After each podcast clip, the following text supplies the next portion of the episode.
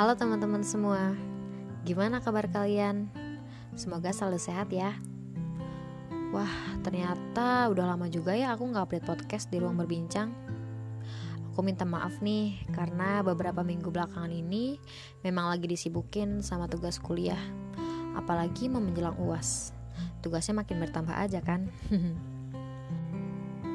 oh iya, aku juga mau ngasih tahu nih kalau episode ini bakal jadi episode terakhir dari review materi perkuliahan administrasi penyuluhan. Jadi, di episode terakhir ini, aku mau jelasin seputar profesi penyuluh agama. Nah, karena di episode sebelumnya itu kita bahas tentang administrasi dan segala macamnya, sekarang kita bahas tentang penyuluhnya. Mungkin beberapa dari kalian masih ada yang bertanya-tanya, apa sih profesi penyuluh agama itu? Kenapa penyuluh agama itu bisa disebut profesi? Dan macam-macam pertanyaan lainnya. Sekarang, mari kita bahas. Pertama, kita akan bahas uh, tentang profesi secara umumnya terlebih dulu. Profesi itu kan uh, pekerjaan yang menuntut kualifikasi dan kompetensi tertentu sesuai tugas pokoknya.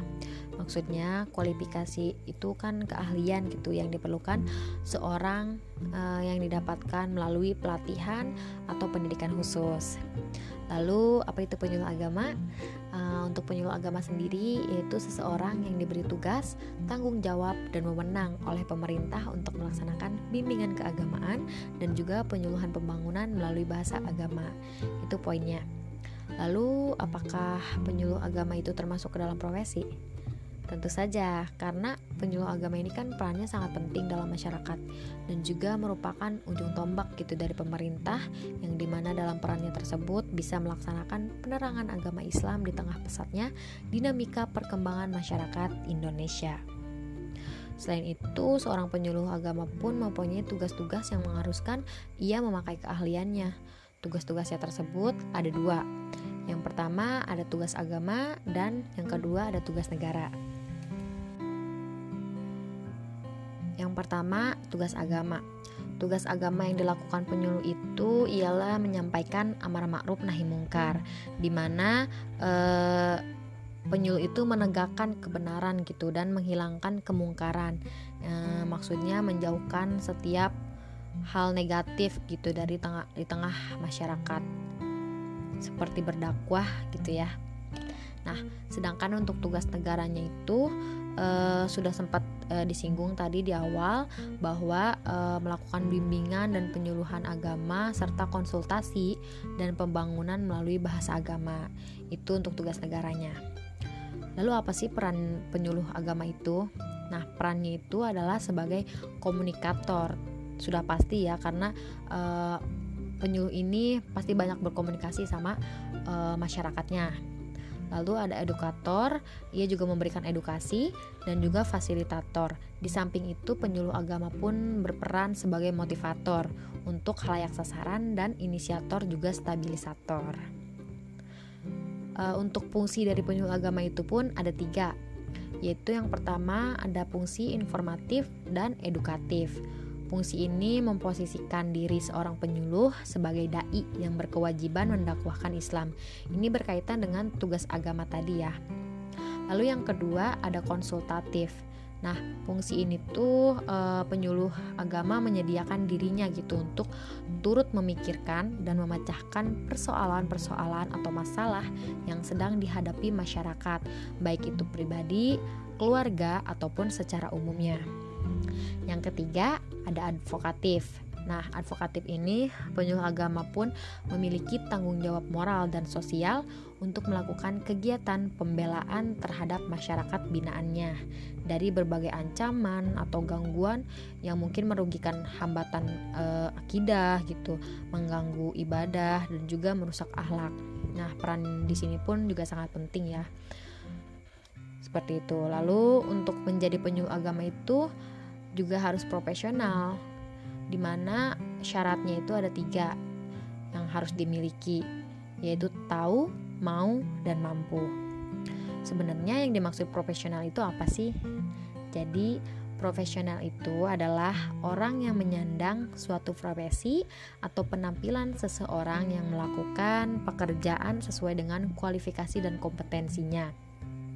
Nah, selain itu ada juga beberapa istilah tentang profesional. Antara lain ada profesionalisme, profesionalitas dan juga profesionalisasi. Sekarang kita akan masuk ke pembahasan administrasi dalam penyuluh agama. Sama halnya seperti kegiatan administrasi secara umum bahwa kegiatan administrasi di penyuluh agama ini pun meliputi perencanaan hingga evaluasi. Nah, untuk kalian yang uh, belum dengerin tentang administrasi secara umum, kalian bisa cek dan dengarkan kembali podcast uh, updatean podcast aku sebelumnya. Di sini kita akan bahas lebih dalam tentang evaluasinya teknik evaluasi yang dilakukan dalam penyuluhan agama itu adalah dengan mengambil data seperti evaluasi partisipatif, kuesioner, angket, pengamatan, dan juga wawancara. Lalu evaluasinya pun bermacam-macam.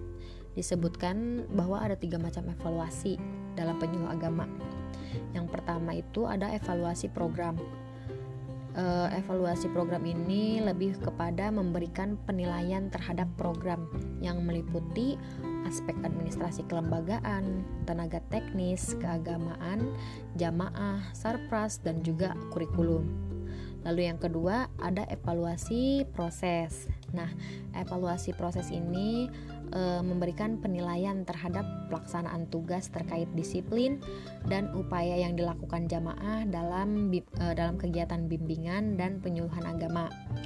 Lalu yang terakhir yang atau yang ketiga ada pengumpulan eh, ada evaluasi hasil di mana dalam evaluasi evaluasi hasil ini terjadi atau uh, ya terjadi pengumpulan informasi untuk mengetahui efektivitas dan efisiensi kegiatan yang dilakukan uh, dilihat dari tingkat pengetahuannya dan kemampuan jamaah pada setiap jangka waktu tertentu. Nah, itu dia teman-teman pembahasan tentang profesi penyuluh agama di episode terakhir ini. Semoga teman-teman yang mendengarkan uh, bisa bertambah ya pengetahuannya tentang administrasi dan juga penyuluhan dan juga uh, jangan lupa untuk men-share ilmu yang sudah uh, teman-teman dapetin di podcast ini. Aku ucapin terima kasih banyak dan mohon maaf bila ada kesalahan selama penyampaian materi ini. And see you next time. Bye bye.